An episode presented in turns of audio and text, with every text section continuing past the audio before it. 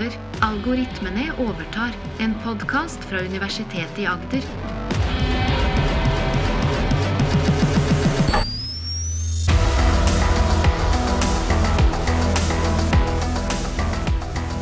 Du hører Maren og Morten snakke om kunstig intelligens.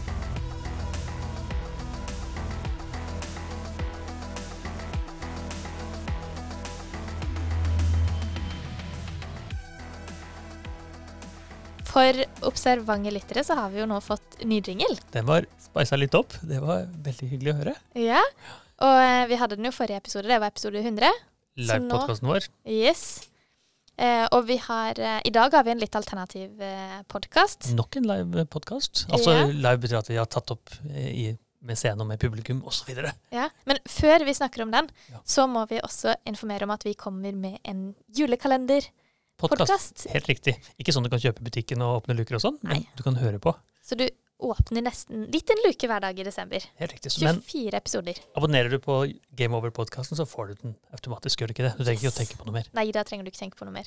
Men da får du en liten, litt kortere episoder enn vanlig, eh, med en ny algoritme som har kommet i 2022 hver dag. Ja, for hva kan være bedre måte å kose seg fram til jula med å åpne en liten Game Over julekalender, algoritme, podkast. Og det er jo ikke lenge til 1. desember, så vi håper at dere vil eh, henge med og eh, høre på, på den. Fortsatt abonnere. Og hvis ikke du abonnerer med Hørerett, så er det kanskje på tide å trykke abonner-knappen. ja. Men i mellomtiden så har vi selvfølgelig spørsmål og alt dette her. Men dagens episode Yes. er med studio, og det er en samtale og foredrag som eh, jeg har hatt sammen med en som er leder for Attack Norge, Diego Marin Rios, som er et innspill til stortingsmeldingen om digitalisering som skjer nå i, i begynnelsen av vinteren. Og tittelen heter da 'Hvem bestemmer over kunstig intelligens'? Vi snakker altså om hvem som bestemmer over kunstig intelligens. Først meg, så Diego, og så tar vi en samtale sammen. Det er veldig gøy å høre på det i eh, live og være en del av det. Eh, Lyden er nok ikke så god som denne studiolyden der, men jeg regner med at innholdet er det som betyr noe for lytterne våre.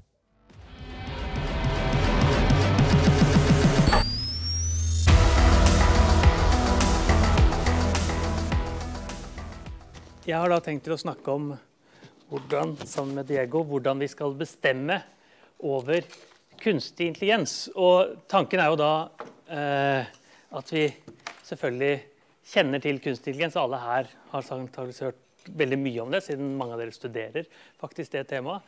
Kanskje ikke alle. Men ideen er at eh, teknologi er noe som gir makt. Mye makt. Og vi ser hele tiden de som kontrollerer teknologien, også får en enorm makt i samfunnet. Og vi ser at de teknologiene som er så innovative, så eh, nyskapende, får gjerne dette moteordet disruptiv, disrupsjon.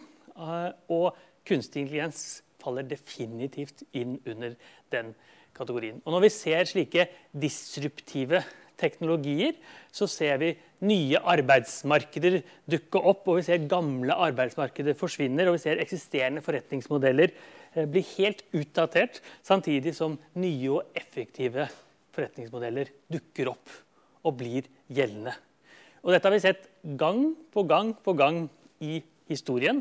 Eh, helt fra de, første teknologien som dukket opp blant steinaldermenneskene, hvor vi da oppdaget eh, bruk av ild, f.eks. var en disruptiv teknologi, fordi motparten kanskje ikke hadde tilgang på ild. Eller da England fant opp langbuene på 1400-tallet, så var det en disruptiv teknologi, fordi plutselig fikk de enormt mye krigsmakt over Frankrike. Eller da USA oppdaget atombomben eh, på slutten av andre verdenskrig, fikk de en enorm makt over resten av samfunnet. Og da Sovjetunionen oppdaget det samme, eller stjal det samme, eller hva det var som skjedde, for noen år senere, så ble det en, en maktbalanse som vi kaller en kald krig. Og det samme ser vi nå med kunstig intelligens. Samtidig så ser vi at disse disruptive teknologiene kan gjøre mektige mennesker helt maktesløse.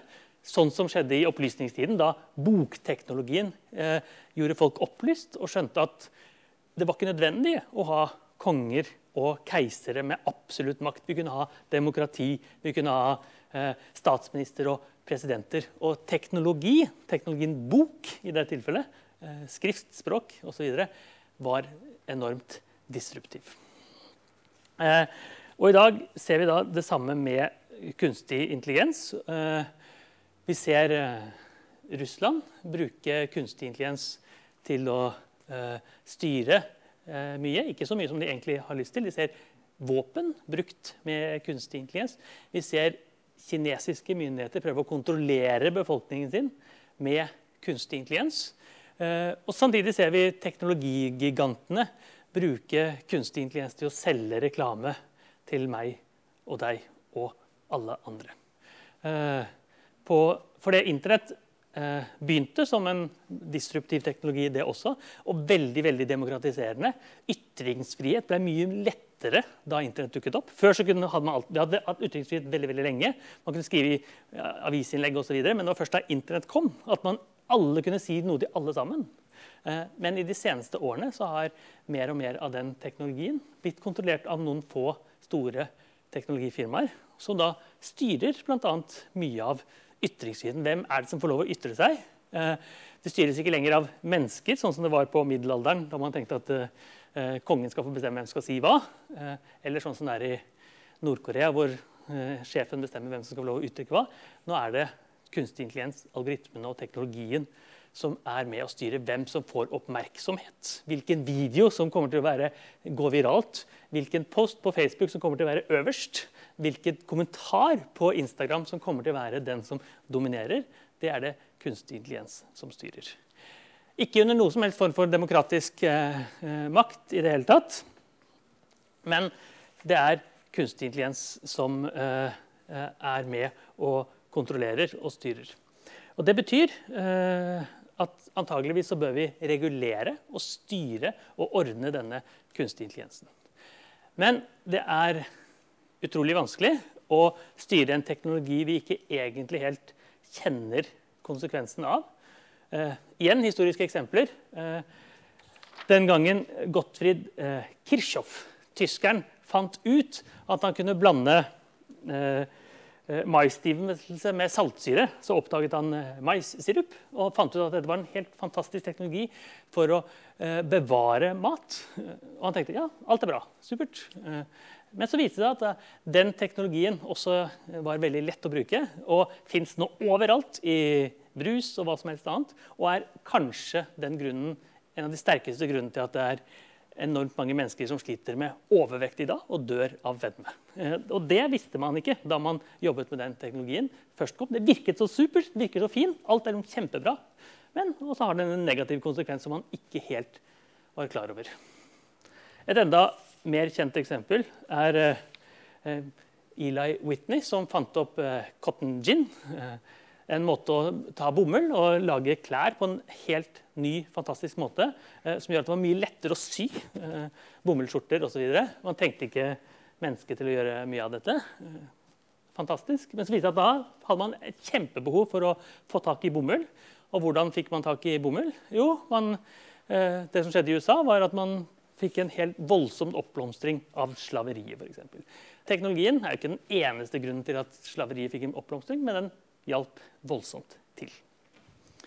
Og det vi ser med eh, disse kunstig intelligens-teknologiene i dag, som finnes overalt, f.eks. på sosiale medier, eh, er at dette, eh, da det kom på 00-tallet, så virket det som en helt fantastisk måte å kommunisere med hverandre på. Kan ha venner på hele verden vel lett, og det er det. Det er fantastisk. Men allikevel så vet vi ikke helt hvilke konsekvenser det får. Det ser ut som det har en tendens til å uh, få folk eh, mer eh, ekstrem. Det ser ut som det får folk til å være litt mer isolert. Det ser ut som man kanskje bare ser et glansbilde av omverdenen, fordi kunstig intelligens syns det er fint. Det ser ut som det øker eh, polariseringen i samfunnet. Og da er det disse kunstig intelligens-algoritmene som styrer. Hvis jeg går på en nettside så får jeg ofte spørsmål vil du ha cookies. Og så svarer jeg ja, for hvis ikke så kommer jeg ikke inn på nettsiden. Og så er jeg litt irritert, for jeg må svare sånne cookies-spørsmål 30 ganger om dagen. Ja, jeg vil ha cookies også i dag. Uh, og så tenker jeg at det er ikke så ja, ja, hva vet de egentlig om meg? Ja, Lite grann. Jeg vet at jeg er i Grimstad, jeg vet at jeg har en iPhone osv. osv. Eh, men så viser det seg da, eh, selvfølgelig at eh, alle, nesten alle trykker bare ja på de cookies, for de skal jo på den nettsiden og gjøre noe. Hvis jeg er som gjennomsnittsnordmann, jeg vet ikke om jeg er det, men da gir jeg fra meg data som det er omtrent 350 eh, eh, budrunder på mine data daglig. Noen bedrifter som har lyst på mine data, eh, stort sett for å selge reklame, eh, skjer hele tiden. Og der er det sånn at det er ikke den lille informasjonen jeg gir fra meg, at jeg er i Grimstad og er på VG eller Aftenposten, eller noe sånt, eh, akkumuleres opp og blir mer og mer. Eh, og da vet man mer og mer om hvert enkelt person fordi man har den historikken overalt. Hver gang man trykker på 'I'm not a robot' for å bevise at man ikke er en robot, så er det cookies som lagrer informasjon om meg, eh, og kan bruke helt spesialsydde algoritmer for å finne ut akkurat hva jeg kommer til å like, og hva jeg eventuelt ikke kommer til å like. Og det skjer hele tiden, eh, ofte uten at vi vet om det. Eh, VG for eksempel, eh, var det noen som gjorde undersøkelse for, for, en liten stund siden og fant ut at eh, de selger informasjon til 51 forskjellige underbedrifter. Så hvis jeg går på VG eh, og sier ja til cookies, så går min informasjon om at jeg er i Grimstad, har en telefon osv. osv. til 51 andre underbedrifter. Eh, og så er folk sure for det eller ikke. Ja, Ikke så lett å si. Folk trykker jo ja på disse cookiesene likevel. Men en interessant ting som skjedde, var for omtrent et år siden så gjorde Apple noe smart på sine telefoner. Det var sånn Hver gang man installerte en app, så kan man velge. Skal jeg gi fra meg informasjon til Instagram eller til Aftenposten eller til Grinder, eller hva det er? Så kan du si ja eller nei. Eh, eh, og hvis du sier nei, så gir den ikke noe informasjon. Eh, og så viser det seg at omtrent 80% av Apples brukere sier konsekvent nei Nesten alltid. Omtrent 80% av befolkningen verden over har ikke lyst, i hvert fall sånn som Apple-dataene forteller, til å gi fra seg data. Altså en stor konsensus, hvis man skal tolke de dataene, generalisere de, om at vi ikke har lyst til å være eh, blant, eh, blant, de som gir fra oss så vital data hele tiden. Dataene kommer fra Forbrukerrådet. Eh, et firma som heter Grinder, som handler om sånn finne en seksuell partner, eh, solgte data til folk de ikke eh, hadde sagt de solgte data til, og ble dømt av Datatilsynet til å gi fra seg 20% av omsetningen, som er masse, masse, masse penger,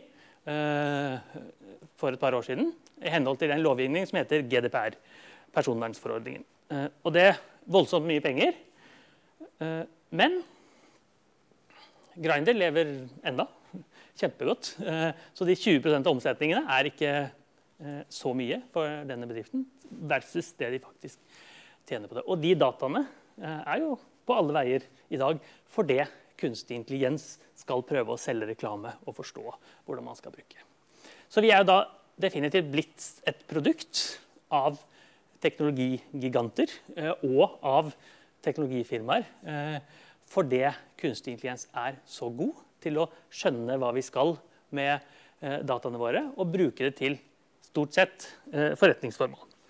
Eh, et eksempel alle kjenner til, Google. Eh, når jeg googler noe i Google her har jeg googlet 'beste sted å spise i Kristiansand', for jeg holdt et foredrag i Kristiansand for ikke så lenge siden. Og da kommer det informasjon om fiskerestauranter osv. Eh, fint. Jeg er veldig glad i fisk, så det går, går fint. Eh, før i tiden så var det sånn at eh, hvilke resultater som kom på Google, det var basert på søkeordet og hvor mange frekvens det var av det ordet i forskjellige nettsider osv. I dag er det en algoritme, en kunstig intelligens-algoritme som heter Hummingbird, som persontilpasser Google-søkene til meg, og eh, sånn at jeg får fiskerestaurantdata eller bilder eh, eller restauranter, mens noen andre får noe annet. Eh, vegetarrestaurant eller kjøttrestauranter eller sånn type ting. Og det betyr at eh, Vi brukere er da skilt fra hvilken informasjon som eh, gir oss. Hvis jeg leser en papiravis, eksempel, så vet jeg akkurat hvilken avis, av, av informasjon som kommer der. Jeg vet hvem som har tatt det valget. Jo, det er en, en eller annen redaksjon i Aftenposten f.eks. Her er det ikke det. Her er det en algoritme som styrer, eh, som vi egentlig har lite kontroll om. Jeg gjør det så mye, da? Er det så problematisk? Eh, Vel, I utgangspunktet er det ikke det, for den informasjonen persontilpasser meg. Men konsekvensen kan være helt enorm, den polariseringen. Og den største konsekvensen jeg kunne tenke meg der, er det som skjedde for en liten stund siden i USA, hvor eh, folk egget hverandre opp på sosiale medier. Og algoritmene prøvde å til persontilpasse hvilken melding er det som passer meg for Twitter. og hvem er som passer for deg for Twitter. Og så blir det et ekkokammer av hverandre, sånn at man eh, stormer til slutt så stormer man eh, parlamentet i USA. Og Donald Trump blir kastet ut eh, av Twitter. Og Det betyr jo at den der ytringsfriheten som Internett egentlig var, kontrolleres nå av bl.a. Twitter, av algoritmene og kunstig intelligensen på Twitter. Og jeg er ikke imot at kunstig intelligens styrer mye av det, men det jeg er imot, er at dette er nå ikke underlagt noen demokratiske prinsipper, men underlagt dem enn som sitter i eh, sjefsstolen på Twitter. Noen år før så ble eh, dette bildet her lagt ut på Facebook. Eh, Pan Phuc fra Vietnamkrigen. Eh, og det ble sensurert. Eh, og det var en kunstig intelligens, algoritme, som sensurerte bildet. For det bildet er av en naken eh, jenteunge. Og på Facebook så skal det ikke være nakenbilder. Eh, Bl.a. Erna Solberg, den gang statsminister, ble sensurert. Eh, og det betyr jo at det er plutselig en algoritme i Mark Zuckerberg sin Facebook som bestemmer hvilken informasjon eh, Erna Solberg får lov og ikke får lov til å legge ut på dette ellers så demokratiske internett. Og det som skjedde etterpå, var at, at åpningen på Facebook ble delt i to. De viktige personene og de mindre viktige personene. Viktige personer, sånn som Erna Solberg og har mange følgere osv., de får lov til å legge ut omtrent hva de vil. Mens vi mindre vektige mennesker vi er underlagt de samme algoritmene. Så hvis Erna Solberg eller Jonas Gahr Støre eller noen andre legger ut noe informasjonsbilde som kanskje går på tvers av Facebook sine retningslinjer, så går det i en manuell prosess. på en eller annen måte, sier ja, antageligvis er det greit.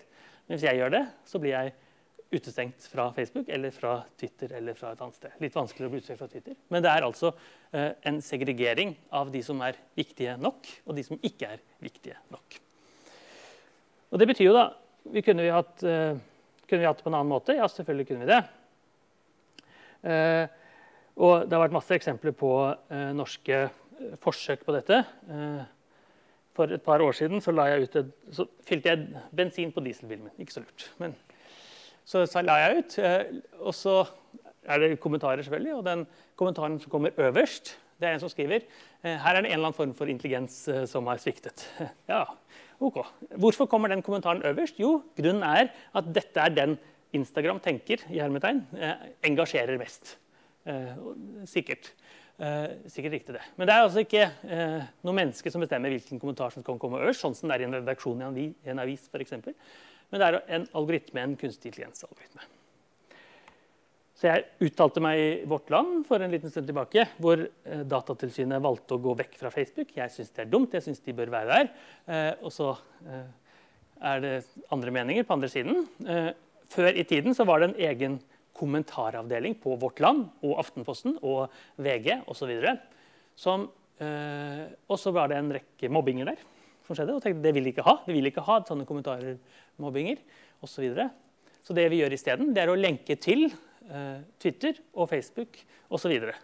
så den kommentaren som var på nedsiden av disse kommentarfeltene på offentlig store nettsider, den fins ikke lenger eh, der, men den fins et annet sted.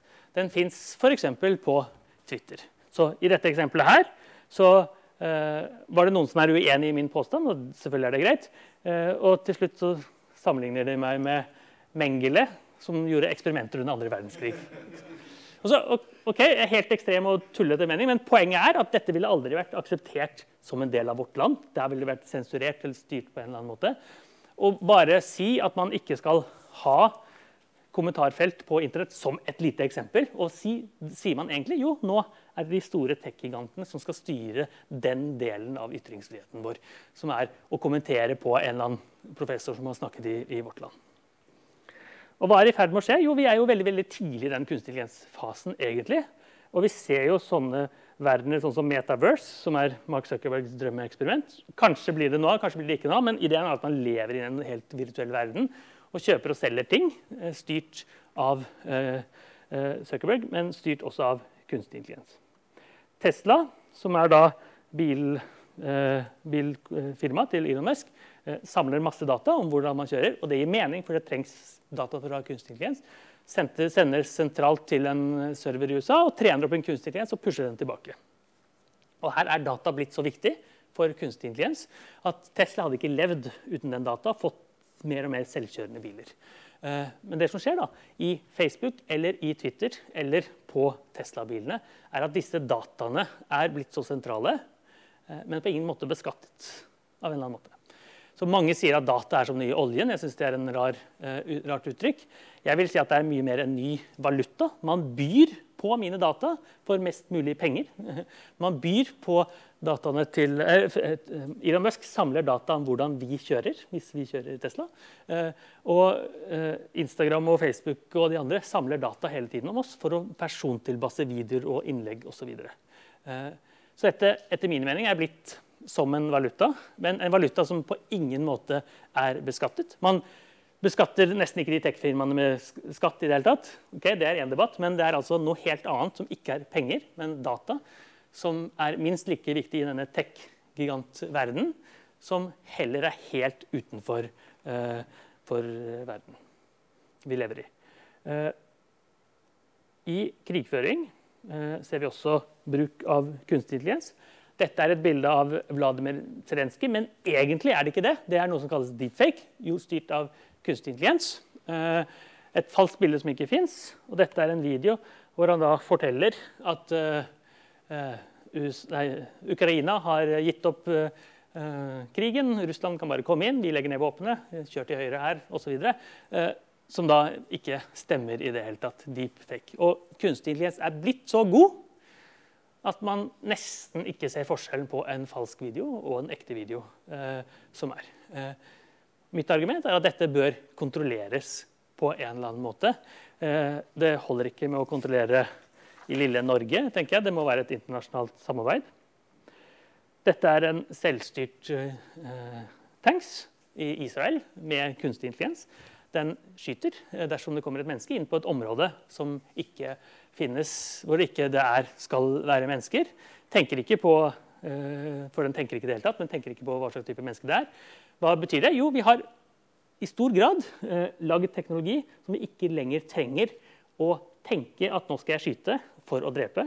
Nå gjør det helt autonomt. Og flere av våpnene som vi har sendt ned til Ukraina, på Ukrainas side riktignok, er kunstig intelligens-styrte. Uh, og så er det greit fordi det er liksom på riktig side av krigen. Ja, kanskje er det uh, en debatt som bør opp for det å ha helt autonomt våpen, hvor vi ikke trenger å ta et menneskelig avgjørelse i det hele tatt, er ikke akkurat den veien jeg ønsker å gå. Dette er har ikke noe med krig å gjøre, men dette er en som heter, en, en som heter Peter Thiel, som satt på styret til Facebook. Nå sitter han på et styre til noe som heter Truth Social, sammen med Donald Trump. Eh, han har lagd eh, en patent på en mekanisme. Han skal lytte til hjernecellene og høre på eh, oksygenopptaket osv. Så sånn at jeg slipper å trykke på like-knappen på Facebook når jeg liker noe. Det, det er ideen. Det er en patent, det betyr at det fins ikke, men ideen er der. Og det forteller noe om ambisjonsnivået til TIL og de andre tech-gigantene. Musk har noe lignende, uh, heter Neuralink, som heller ikke er utviklet ferdig, men det skal opereres på innsiden av uh, skallen og koble seg direkte til cellene. Og hjelpe til å få deg mer intelligent, hjelpe til å koble deg til til Wikipedia, eller koble deg til en eller annen kilde som han syns passer bra, og få litt Tesla-reklame osv. Poenget med dette er dette er fantastisk teknologi hvis det funker, men det er altså teknologi som er styrt av noen uten noen som helst form for demokratisk kontroll. Jeg skal fortelle en historie nå på slutten hvor, te, hvor raskt teknologien kommer. og Dere IT-studenter kjenner til ganske mye av det. Kanskje ikke alle. Eh, dette er forskning på kunstig intelligens eh, for fem år siden. Eh, seks år siden, kanskje. Eh, hvor man ba en kunstig intelligens tegne bilder. I dette tilfellet tegner den bilder av fugler. Uh, og det er sånn, du, må, du, kan ikke, nesten ikke se at det er en fugl engang, men du må liksom, ja, ja, ymse litt og myse litt, og da ser du det. Etter en liten stund så ble den teknologien bedre. At den kunne tegne katter som fins i det hele tatt. Falske katter. Uh, halvt år, år, etterpå kunne tegne mennesker på det nivået. Og her er det liksom ullent, det er litt feil og det er litt blurry osv. med menneskene. og en liten stund etter så klarte den å tegne mennesker på dette nivået poeng, her er det sånn at vi ikke kan se at det er noen feil i dataene i det hele tatt. det som produseres. Og Poenget mitt er at i løpet av bare noen få år så går teknologien så raskt fra noe som ser veldig dårlig ut, til noe som ser helt uh, utrolig fantastisk ut. Og det er fordi teknologien utvikler seg uh, etter noe som kalles en eksponentiell eh, formel. og det, Den bygger på hverandre. At det blir litt bedre litt bedre hver gang. Og hver gang så bygger den på forrige, og så blir det eksplosivt mye bedre. Og det er akkurat det vi ser i kunstig intelligens. Nå har den teknologien kommet så langt at vi kan med en algoritme blant annet, som heter DALI, og en DALI 2-variant som har kommet litt senere, hvor vi kan si jeg kan be den spørre om ting. Jeg kan si jeg vil gjerne ha et gresskar som er blått på et skilt, og så lager den det for meg. selv om det ikke finnes. Eller jeg vil gjerne ha en avokadostol. Null problem. Eller en påfugl som også er en gulrot. Ingen problem. Det fins ikke i det hele tatt, men kunstig intelligens kan tegne det. Jeg snakket for en fiskebransje for litt siden, og jeg vil gjerne ha fisk med teknologi. Og da spytter Dali ut dette. Eller jeg, det var ikke det jeg mente. Kanskje vi kan ha noe fisk på land en gang, og da spytter han ut dette. Dette er, virker jo dette er jo veldig nær det jeg vil kalle fantasi. ikke sant? Jeg ville ikke tenkt på det engang. Men kunstig intelligens kan det nå, og dette er bare noen måneder gammel eh, teknologi. Og Vi kan spørre mye jeg spurte også eh, er stor fan av 'Hitchhiker's Guide to the Galaxy'. Hva ville skjedd hvis, eh, hvis eh, delfinene eh, styrte verden? Og da ville dette skje. står det. Hvordan ser tredje verdenskrig ut? spurte jeg, og da kommer dette ut. Så da kanskje eller ikke kanskje inneholder eh, Jabba the Trump, som er en blanding av Jabba the Hutt og Donald Trump. Og poenget er igjen teknologien går så lynraskt at det som ser bare litt rart og ullent og dårlig, og hvem er som gidder å jobbe med det, til at vi klarer å lage en, en merge av Donald Trump og Jabba the Hutt i løpet av 20 sekunder, eh, eh, eh, er, er, så viktig og så sentral i vår samfunn at dette er helt klart disruptivt på samme måte som langbuene, ilden, elektrisiteten. Og den som kontrollerer det, er den som har makt. EU forsøker å styre litt med noe som de kaller AI Act, som kanskje kommer i løpet av uh, høsten. Uh, kanskje tar det lengre tid. Antakeligvis blir det norsk lovgivning også. Men det handler rett og slett om uh, hva har vi lov til med kunstig intelligens, hva har vi ikke lov til med kunstig intelligens. En av de tingene er så massiv overvåkning sånn som de gjør i Kina. Det har man ikke lov til i EU, hvis dette blir lov. Så jeg tenker at hvis vi skal klare å bestemme over teknologigigantene, klare å bestemme over bruk av kunstig intelligens, så er det i mitt hode en internasjonalt samarbeid, f.eks. på EU-nivå eller på FN-nivå, eh, retningen å gå. Hjertelig takk for meg. Så overlater jeg ordet til eh, Diego til å holde et innlegg.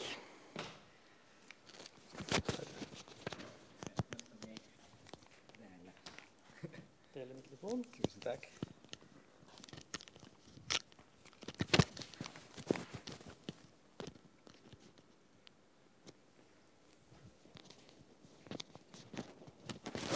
Hallo, hører dere meg?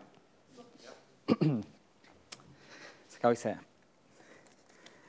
Yes, eh, tusen takk for invitasjonen. Tusen takk til Studentforeningen Beta for denne muligheten, og til Morten for denne fantastiske presentasjonen med ganske kule eksempler på kunstig intelligens. Eh, det er alltid en glede for meg å komme på besøk til et universitet og snakke med, med, dere som driver med og forsker, studerer og forsker eh, på teknologi, kunstig intelligens. Fordi egentlig mitt eh, samfunnsengasjement begynte da jeg var student eh, på et universitet i Colombia. Jeg kommer opprinnelig fra Colombia. For jeg skulle bli sivilingeniør. Um, og så kom jeg på dette universitetet i Kauka, begynte å studere der. Eh, veldig fokusert på fysikk og matematikk. Men da traff jeg eh, andre typer eh, kunnskap. Nemlig noe som var litt nærmere eh, det sosiale og demokratiske spørsmål i, i, mitt land. Og etter fire år, når jeg var nesten i mål eh, med å bli sivilingeniør, så byttet jeg til statsvitenskap og juss. Og grunnen for at jeg forteller dere eh, denne delen av min personlige historie, er at fordi akkurat nå går Attak eh, den motsatte veien, egentlig. Det var veldig spesielt for meg da jeg fikk eh, denne jobben som eh, politisk ansvarlig. Og oppdaget jeg at en organisasjon som pleier å drive med spørsmål om samfunn og demokrati og makt, skulle starte en kampanje som egentlig handler om teknologi. Det er mange som spør seg hvorfor Attack driver med dette. Er dere ikke opptatt av andre typer spørsmål, eh, global rettferdighet og økonomi og sånt? Og det er faktisk fordi nå trenger vi å snakke med hverandre. Fordi nå lever vi i en verden hvor, uh, vår hverdag flyttes til disse digitale plattformene.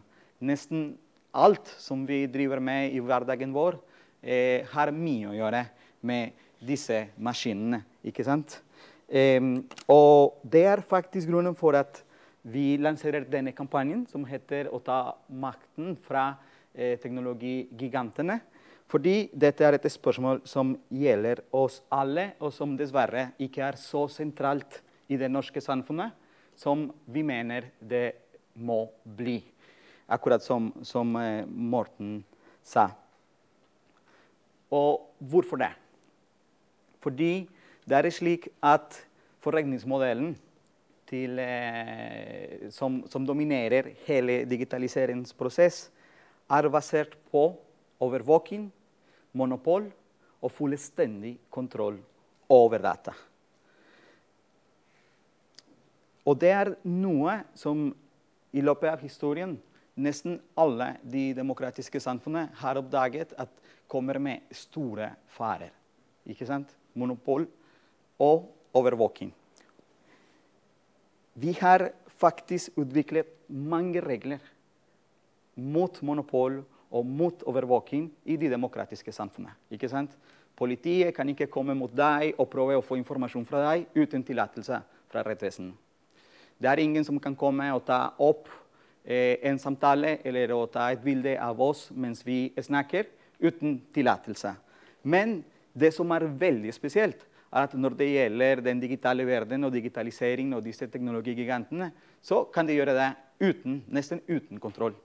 Egentlig, dere som driver med forskning, eh, trenger flere tillatelser for å hente eh, informasjon til deres eh, forskningsarbeid. Mye strengere enn det som Facebook, Instagram og Google trenger for å hente informasjon fra dere. Så, og det som skjer med overvåking, er at det finnes en stor potensial for at det eh, blir misbrukt.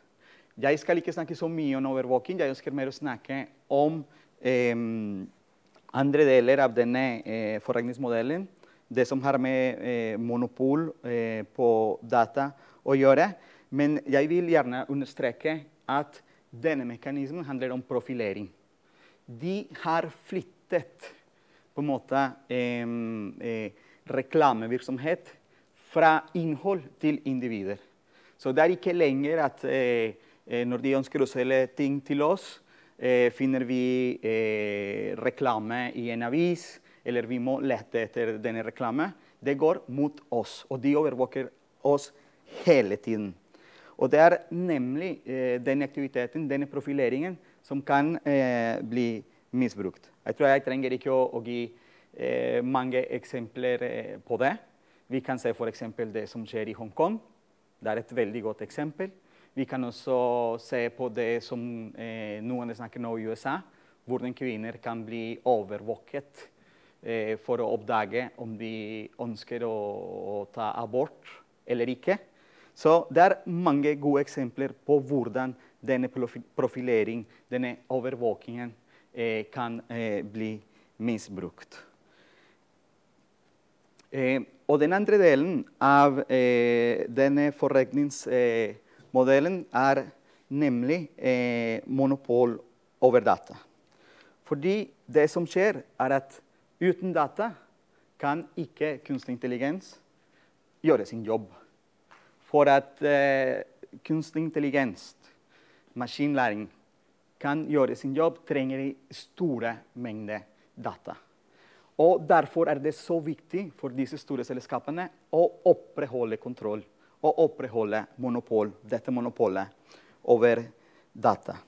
De prøver å utestenge eh, alle som prøver å komme inn i markedet. ikke sant? Så det spiller ingen rolle om du prøver å ha for et alternativ eh, søkemotor som f.eks. DuckDuckGo, fordi de må kjøpe data fra Google. Så de har blitt så store og uten kontroll at de klarer nemlig å kontrollere nesten hele markedet. Og det kommer med store problemer. Fordi nesten alt som vi gjør, har blitt data. Hvordan vi beveger oss i byen, det er data. Hva vi spiser, som Morten sa, det er data. Men det som skjer, er at alle disse dataene eies av veldig få store selskaper. Og det er et veldig stort demokratisk problem. Hva skjer f.eks. hvis noe som er lovlig i dag, blir ulovlig i morgen? Ikke sant? Og alle denne informasjonen ligger eh, i hender av autoritære regimer, f.eks. Det som vi mener, er at om vi ikke tar grep i dette eh, problemet, så kommer disse selskapene, eller USA og Kina, til å kontrollere hele markedet og hele vår eh, eh, hverdag. Så det som er eh, en stor fordel i dette tilfellet, er at vi trenger ikke nødvendigvis å komme med nye, fantastiske løsninger. For som jeg sa, vi har allerede mange, mange, mange tiltak eh, som har blitt brukt i andre deler av samfunnet, andre typer økonomisk virksomhet, for å stoppe monopol og overvåking. Problemet her er at eh, det brukes ikke når det gjelder disse teknologigigantene. Disse regel, det, dette regelverket brukes ikke når det gjelder digitalisering. Og det er veldig spesielt, fordi det som skjer, er at eh, det er som at eh, det gjelder politi, det gjelder eh, andre typer myndigheter. Men når de ønsker å selge oss ting, så er det greit. Så det er som at vi eh, tillater at de overvåker oss, at de henter informasjon fra oss bare for å selge ting. Og det er ikke nødvendigvis det viktigste i livet. Så hvorfor er vi så opptatt av å kontrollere hvordan politiet og andre eh, henter informasjon fra oss, mens vi er ikke så opptatt av det som skjer når de prøver å selge ting til oss. Så det er mange spørsmål som vi kan stille her, som har med eh, demokrati å gjøre. Og derfor mener vi at eh, denne problemstillingen må bli sentral, ikke bare i det norske samfunnet, men i verden. Hvordan klarer vi å kontrollere dette? Da starter vi med et forslag om å se på data eh, fra et annet perspektiv. Data kan ikke eies av noen, verken et individ eller et storselskap. Fordi det som skjer, er at data er nå en strategisk ressurs. Akkurat som uh, olja, da olja ble oppdaget. Det var en så viktig ressurs, så avgjørende for samfunnets eh, fremtid, at det var nemlig samfunnet som måtte ta kontroll over denne ressursen. Fordi det måtte forvaltes under demokratiske regler, eh, etter etiske vurderinger og med klare demokratiske forhold. Og det er det som skjer med data. Data er nå sentralt i nesten alt vi gjør. Ikke bare økonomien. Helse, utdanning, eh, kommunikasjon med hverandre. Og Derfor mener vi at data må ses, behandles som en strategisk ressurs, fordi det kommer til å definere livet vårt. Eller det definerer livet vårt allerede. Så vi må endre dette perspektivet. Hvis vi klarer å endre dette perspektivet, så kan vi begynne å snakke om demokratiske tiltak for å ta kontroll over data. Hvor det lagres. ikke sant? Og det er uh, mange uh, eksempler på hvorfor dette er så viktig. Um, la oss snakke om Forsvaret. Eller om regjering. Nesten alt vår regjering gjør, lagres i servere andre steder i verden. Enten bruker vi Microsoft, eller, eh, eller f.eks. Eh, på kontoret vårt bruker vi masse f.eks. Teams og andre typer løsninger. Og til tross for at vi prøver å finne alternativer, så oppdager vi at disse selskapene brukes alle triks de kan for å stoppe de nye løsningene eh, å komme inn. Det er ikke mulig at å kommunisere fra andre plattformer med det som er i Facebook. Det er ikke mulig å kommunisere med andre plattformer med de som er på, på Instagram. Det betyr at vi er på en måte eh, innestengt i disse plattformene. Og derfor må vi eh, tenke på hvordan klarer vi å stoppe denne forretningsmodellen som er basert på overvåking, monopol og fullstendig kontroll over data i hender av få eh, store selskaper. Hvordan kan vi gjøre dette? Ja, Vi kan eh, fortsette å se på olje som eksempel. Fordi det vi mener er at vi, vi må opprette en konsesjonsordning. Hvis eh, data er blitt en så viktig og strategisk ressurs, så må det forvaltes under demokratiske regler. Og alle må få tilgang til eh, denne informasjonen under visse vilkår og med klare eh, formål. Akkurat som skjer med olje. Det handler ikke om å stoppe eh, private aktører til å komme inn i markedet. Det handler om å opprette mer, et mer rettferdig marked for de som ønsker å eh, bli med i digitaliseringsprosessen. Det handler om å gjøre eh, ting enklere for dere som driver med teknologi, slik at dere også får tilgang til den informasjonen.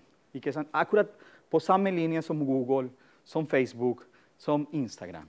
Så det å opprette en konsesjonsordning som kan reguleres gjennom demokratiske regler, blir avgjørende om vi ønsker å stoppe dette eh, overvåking og monopol over data.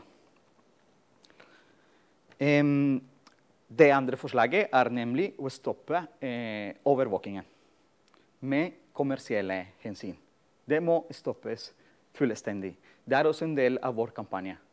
Det, det må rett og slett eh, forbys fullstendig, og det er det vi, vi mener. Så det handler om å regulere markedet.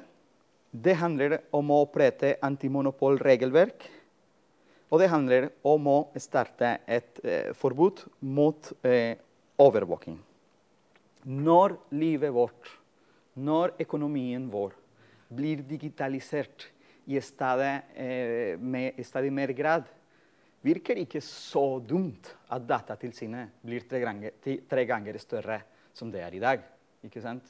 Når alt flyttes til, digital, til den digitale verden, virker det litt lurt at samfunnet kan ha mer kontroll over det. Så det handler, det handler ikke om å stoppe utviklingen. Det handler om å opprettholde demokrati. Og vi har fortsatt tid til å gjøre det. Men dessverre det, virker alle disse temaene så kompliserte. Å, den digitale verden, å, digitaliseringsprosess, automatisering av alle prosessene, automatisering av samfunnet. Nei, nei, nei. Det har mye å gjøre med teknologi, og det kan vi ingenting om. Nei. Derfor eh, har vi lansert denne kampanjen. For vi trenger alle, særlig dere som eh, studerer og forsker på teknologi. Dette er en viktig dialog som må startes. Og det er det vi ønsker eh, med denne kampanjen. Og vi har eh, laget noen eh, konkrete tiltak bare for å starte denne dialogen. Det er mange spørsmål eh, om dette og veldig få svar. Men vi er helt overbevist på at sammen kan vi eh, finne en løsning på det. Jeg har allerede nevnt det om, konsesjon, konsesjonsordning for uh, datainnsamling og forbud mot, mot uh, overvåking. Det å se på data som felles strategisk ressurs. Men det handler også om å splitte eh, eh, disse selskapene og disse plattformene. Det er noe som også må gjøres. Og til slutt, og kanskje det viktigste, er at felles interesse må komme foran profitt.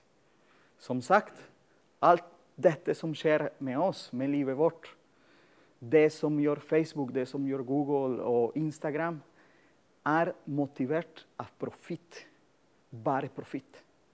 Og det vi ønsker, er at den digitaliseringsprosessen, den automatiseringsprosess, drives av en annen type motivasjon, og det er felles interesse. Demokrati og rettferdighet. Slik at vi kan opprettholde disse demokratiske forholdene uten å sette oss i fare for autoritære regimer eller for de store, eh, gigantiske selskaper som kan kontrollere livet vårt. Jeg tror at det er allerede mange filmer som viser at det er en utrolig dårlig idé. Som eh, Hege sa, Hege som hadde denne jobben for meg, det var en veldig kul måte å forklare dette på. At alle som har sett en James Bond-film, vet at dette kan gå veldig galt. Og Derfor har vi lansert denne kampanjen for å starte med denne dialogen. Veldig bra hvis dere er med. Her har vi noen av våre medlemmer her i Øst-Agder i Attack. Så det er bare å ta kontakt med dem, eller skanne den QR-code der, apropos teknologi og overvåking. Eh, og da kan dere få eh, mer informasjon om denne kampanjen og hva vi driver i Attack med. Tusen takk.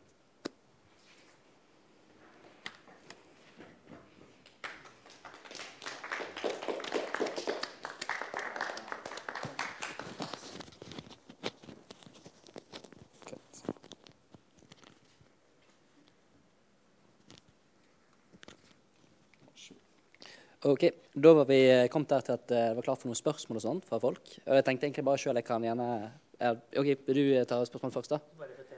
Ja.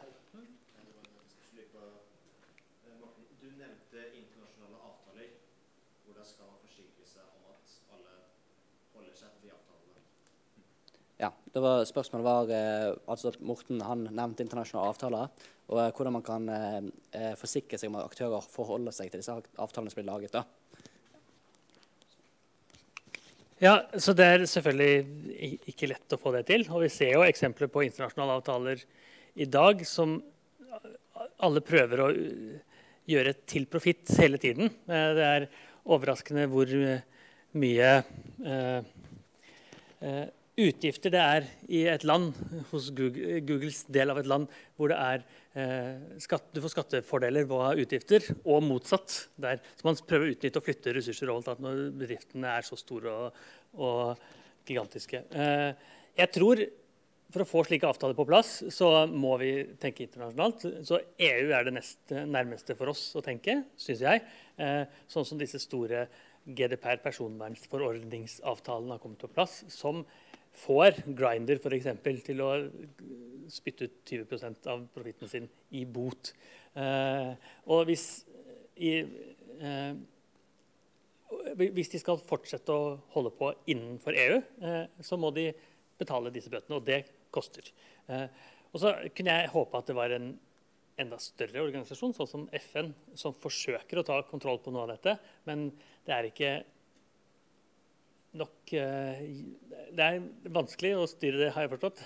Så jeg tror, at eh, jeg tror det er vanskelig å få de til å følge internasjonal avtale hele tiden. Men eh, vår vei er via internasjonalt samarbeid à la EU best, tenker jeg. Kan jeg få lov å kommentere på hans snakk? Så jeg er enig i veldig, veldig mye av det Diego sa. Jeg har et par andre måter å tenke litt på det. Spesielt data. For det, jeg tror Jeg er helt enig i at data er helt viktig og helt sentralt for Facebook og Tesla osv. Eh, hvis man gjør det helt åpent å samle data, eh, så tror jeg det blir veldig, veldig lite insentiv for å samle data. Eh, men noen ganger så trenger man det insentivet for å utvikle teknologi og algoritmer osv. Så, videre. så jeg er helt sikker på at eh, Tesla vet mye mer om hvordan dataene skal samles for bilkjøring, enn det jeg vet som ikke jobber med bilkjøring. Også og så er jo ikke helt der at jeg mener at de skal få lov å samle alt mulig. Så min holdning til det har vært en type patentordning. I patentverdenen så er det sånn at man tar en patent, så har man den i en viss antall år, og så går den åpent og brukende for alle. Eh, Altfor lenge, etter min mening, for det er noen 70 år eller noe. Eh, men datainnsamling kunne jeg tenkt meg var lik. At man f.eks. Tesla samler bildata og får lov å ha den i tre år, da, eller fire år, eller noe sånt. Og så går det åpent eh, til alle. For hvis man ikke har det, så, ha, så eh, blir det ikke noe insentiv for å samle, og det koster mye penger å skjønne hva slags type data man samler. Så hvis man sier åpent for alle, så er det sånn eh, Ja, ja, da gidder ikke jeg å samle. Tenker jeg da. Eh, utover det så er jeg stort sett enig i nesten i eh, alt det du sa. Monopoliseringen er jo det som er egentlig skummelt der. ikke sant? Fordi de har så mye kontroll. Eh, overvåkning. Og selv om man kan tenke at Facebook og sånn er frivillig, så er det i praksis ikke det. For det er, det, det er der informasjonen er. ikke sant? Det er der fotballtreningene for ungene og sånt er. ikke sant? Så vi fins ikke en mulighet for å være utenom det samfunnet. Jeg er sikker på at Studentforeningen også har liksom informasjon på Facebook. ikke sant? For det er der, der det, det der. Eh, så ja, helt riktig. Det, er, det gjør det helt sikkert også. Eh, Forbi overvåkning, det er jeg jo helt enig i, og det er også det EU har sagt i denne AI Act, at overvåkning, inkludert ansiktsgjenkjenningsovervåkning, eh, skal være helt eh, forbudt. Og så går debatten litt på sånn grenseland. Skal politiet få lov til det i enkelte tilfeller hvor man leter etter forsvunne personer osv.? Det er litt sånn ulik oppfatning av det. Sånn, overvåkning med kamera, overvåkning av folk på internett, er i all hovedsak en uting. Det er jeg helt enig i.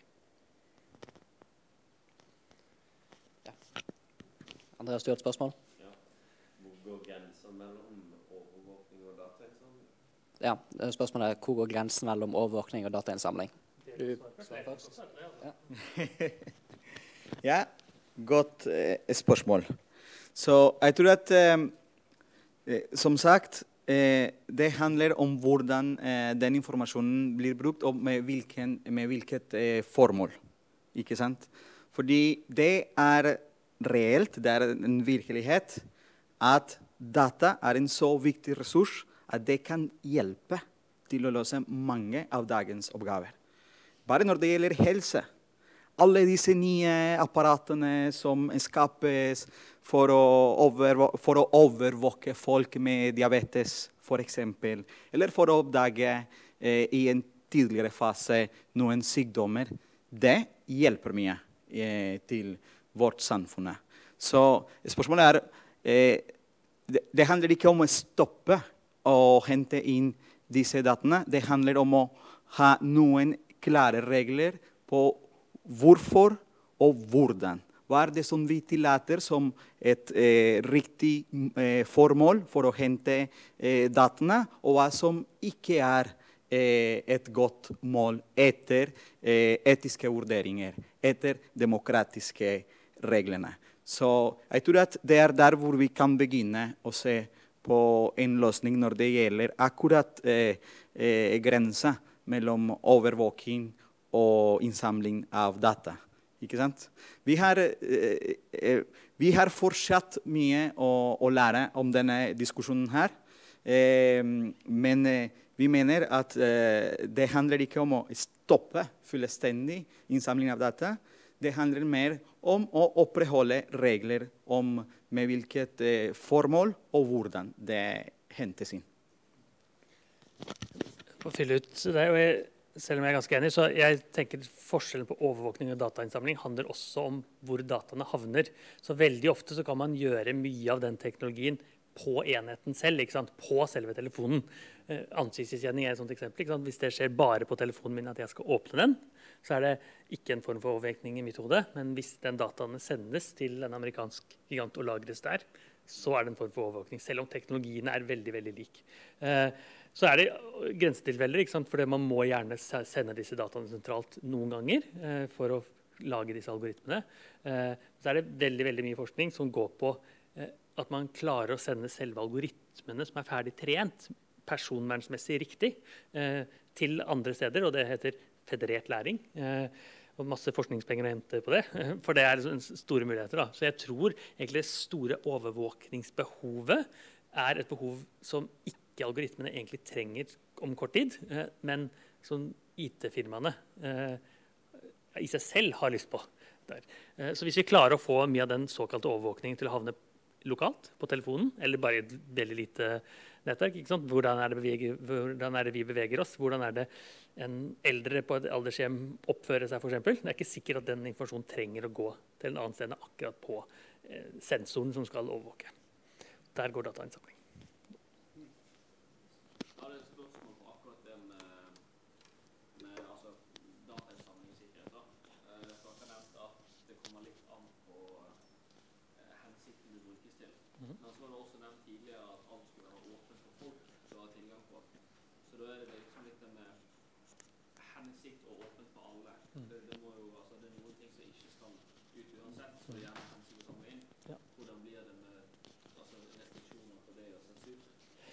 Spørsmålet går jo på da eh, hensikt versus åpenhet. Man, det ble nevnt i, her at vi, man må ha et hensikt til å hente inn data. Eh, og selvsagt er det sånn. Og i personvernforordningen, GDPR, lovgivningen som styrer mye av datainnsamlingen, eh, så må man fortelle om hensikt. Jeg har ikke lov å samle data om deg og meg hvis jeg ikke har noen hensikt med det. Og du må være enig i den hensikten.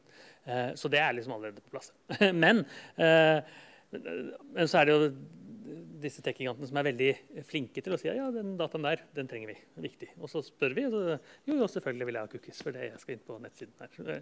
Og det er sånn det styres. Og eh, jeg tenker at hvis man gjør, Det er mye data om meg som jeg ikke vil ha åpent ute på internett. ikke sant? Helsedataen og søvnmønster og jeg vet ikke hva. liksom. Så, så, øh, så jeg tenker at det, øh, mye av det er personsensitivt også, som ikke skal ligge der. Eh, Og i så fall så bør det være en kontroll på disse dataene, sånn at i hvert fall ikke mine helsedata legges ut åpent. Eh, men snarere tenker jeg da at de helsedataene som samles inn av Apple Watchen min, også, legen får tilgang til. Type da, Ikke bare Apple. Den form for åpenhet er det i mitt hode. Eh, For jeg har i hvert fall ikke lyst til at eh, helsejournalen skal ligges eh, på en zip-fil på nettside, liksom. Det var egentlig neste også.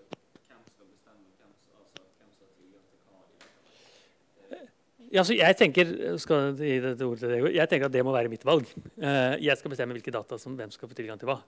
Og Ofte så tenker jeg at det er fornuftig at disse teknologifirmaene får data. Så har jeg diabetes og har en overvåkning der, så vil jeg at den skal gis til den dataene. Eh, til den devicen eller enheten osv. Men eh, ikke til forsikringsselskapet mitt, f.eks. Det, det, sånn bør det være. Og det er jo det som er tanken med mye av personvernforordningen, selv om det kanskje ikke fungerer så godt i praksis. Hvem skal bestemme, er spørsmålet, Diego. Ja, hvem skal bestemme? Um,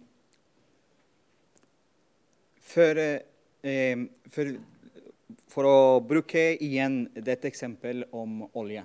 Hvem skulle bestemme hvordan olje skulle brukes? Hvem skulle ha tilgang til å utvinne denne nye ressursen?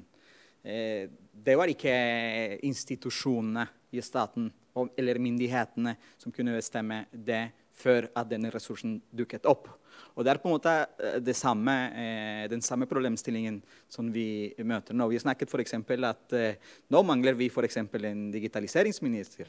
ikke sant? Det er nye institusjoner som må, som må skapes.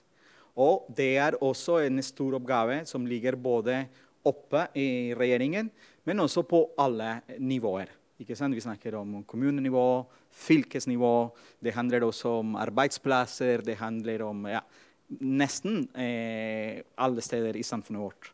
Så det handler om å opprettholde og skape disse reglene om å gi myndighet til Stortinget, regjeringer og andre som kan bestemme, eh, slik at vi også kan bli med eh, i denne debatten og har mulighet til å påvirke hvordan eh, dette blir til slutt, hvordan dette kommer til å se til slutt. Mm. Ja, da eh, tar jeg òg et litt spørsmål her, da. Eh, Morten, du snakket jo om eh, data som en valuta, og du snakket jo om eh, det som en strategisk ressurs. Og så Begge to nevner jo eh, problematikken med at de store selskapene monopoliserer alle dataene. og sånt da. Eh, og Du nevnte jo en mulig løsning på dette, som denne patentløsningen. i at da, disse store selskapene har eksklusiv tilgang på dataen i en kort periode. Men i sted så nevnte du òg mulighet for å skatte disse firmaene. og sånt da. Og jeg lurer på om hvordan noe sånt kunne bli innført i en produktiv måte. da. Ja, å få det helt produktivt det kan være litt vanskelig. Men jeg, jeg tenker det bør være en, en skattelignende ordning på data, syns jeg. da. Uh, I hvert fall hvis man tenker på det som en valuta, sånn som jeg tenker. For det, uh, og det kan være at man, hvis man samler data om deg, så skal man gi fra seg noe av de dataene til, til helsemyndigheter, f.eks. Noe sånt noe. For det er jo og når man trader med dataene hele tiden, så er det Og de lever av dataene mer enn de lever av penger. Facebook kunne valgt å ta ti kroner for hver uh, bruker, og de har sikkert fått det. Men de velger ikke det. De velger data, så det er mer verdifullt. Og, og, der, og da tenker jeg at den dataen er verdifull for andre også. Eksempelvis hvis jeg skal forske på helsedata, så er det vanskelig å få tak i av gode grunner, for det er sensitiv informasjon osv. Uh, men hvis jeg kan få 10 av uh, Apple Watchene sine helsedata anonymisert på en eller annen måte, så er, gjør det mye lettere å gjøre forskning på det. Uh, et eksempel er jo Vi forsker mye på Alzheimer-prediksjon uh, med MRI. prøvde å finne data. og det er Veldig vanskelig å få data i Norge, naturlig nok.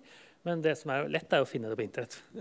på amerikanske forskningsinstitusjoner som har lagt det åpent ut og anonymisert. Da. I tillegg til type sånne ting som uh, hvor mange whisker drakk du i løpet av uka. Sånn som kanskje betyr noe, eller kanskje ikke betyr noe. Hvor, uh, hvor mye kognitiv svikt har du, osv. Og, og, og den ligger åpent. Alle kan bruke det Vi altså signerer en liten avtale. Uh, og og det tenker jeg er liksom en form for skattegivning. Altså De som har samla det i USA, har sagt at dette er så viktig, dette er så sentralt for forskningen på Alzheimer at det skal være åpent tilgjengelig for alle, selv en som sitter i Norge eller i Colombia eller i Sri Lanka eller i Kina og skal gjøre det. Mens stort sett så er det ikke sånn. Stort sett så er det samlet inn av en teknologifirma for at det teknologifirmaet skal leve evig på det i all fremtid. Det er ikke sånn patentene som går ut etter 70 år. Det skal være i hundretusenvis av år, for det er de eier det.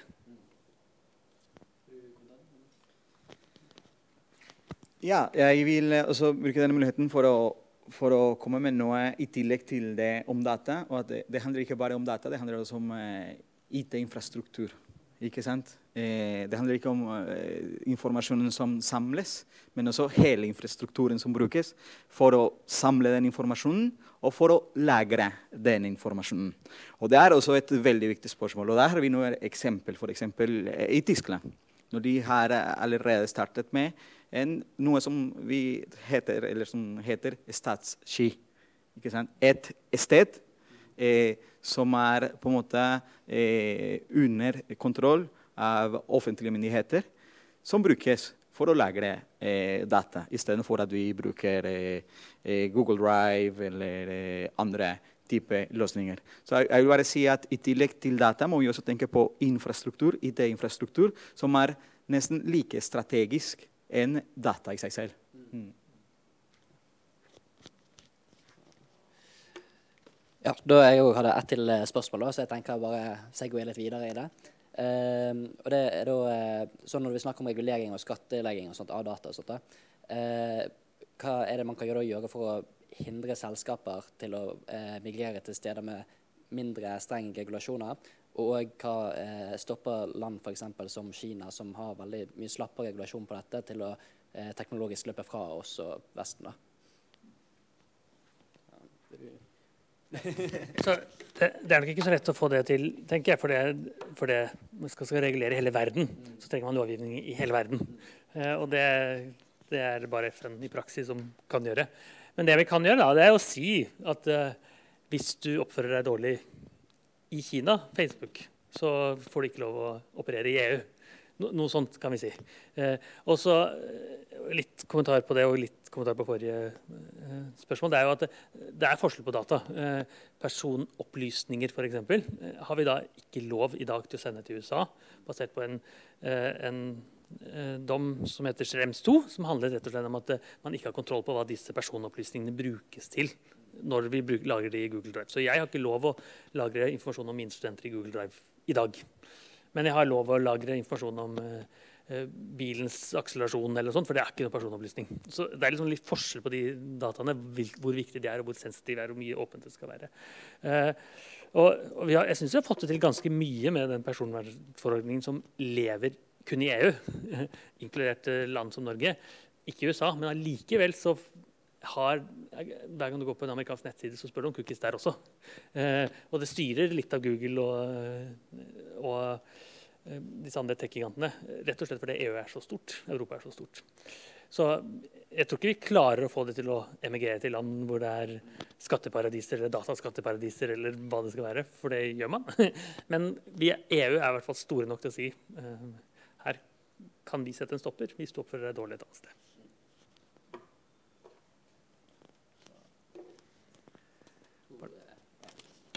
Ikke det var flere spørsmål da, eller? Nei. Eller, jo. Når det er cookies på en så er det ja, alle cookies, eller cookies-innstillinger. Ja. Det er ikke noe nei. Da. Sånn som du nevnte når det var Apple. Apple nevnte sånn, har du lyst til å sende informasjon din? Ja, nei. Ja. Eller om jeg forsto det riktig, altså. Mhm. Hva tenker du om det? Eh, På nettsider er det ofte når du tar cookies, eh, ja, tilpass, som ingen gjør, ikke sant? for det er en kjempejobb. For jeg vil bare på nettsiden. Eller nei, nei er jo ikke gå der, da, e- egentlig. Eh, nei, så jeg tenker at det burde vært annerledes.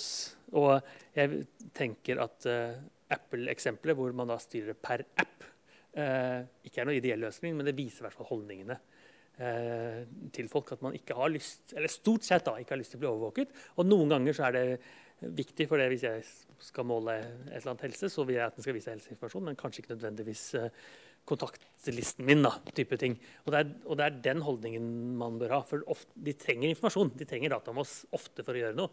Kanskje ikke for å lese Aftenposten eller VG, men for å gjøre et eller annet. Eh, eh, så jeg tror den cookies-saken er bare noe alle la copy-pasta fra et annet sted. Og så er det liksom en lovgivning man bare må følge, for det, for det er der. Og egentlig ikke fungerer så godt som den var tenkt. da.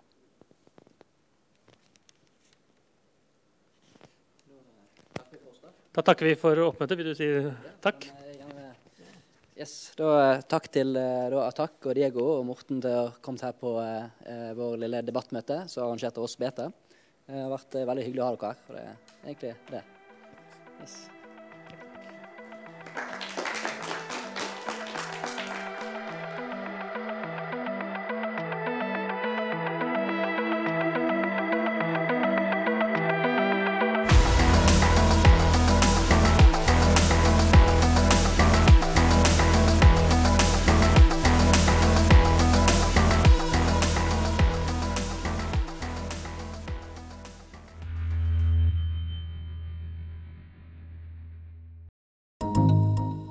Universitetet i Agder.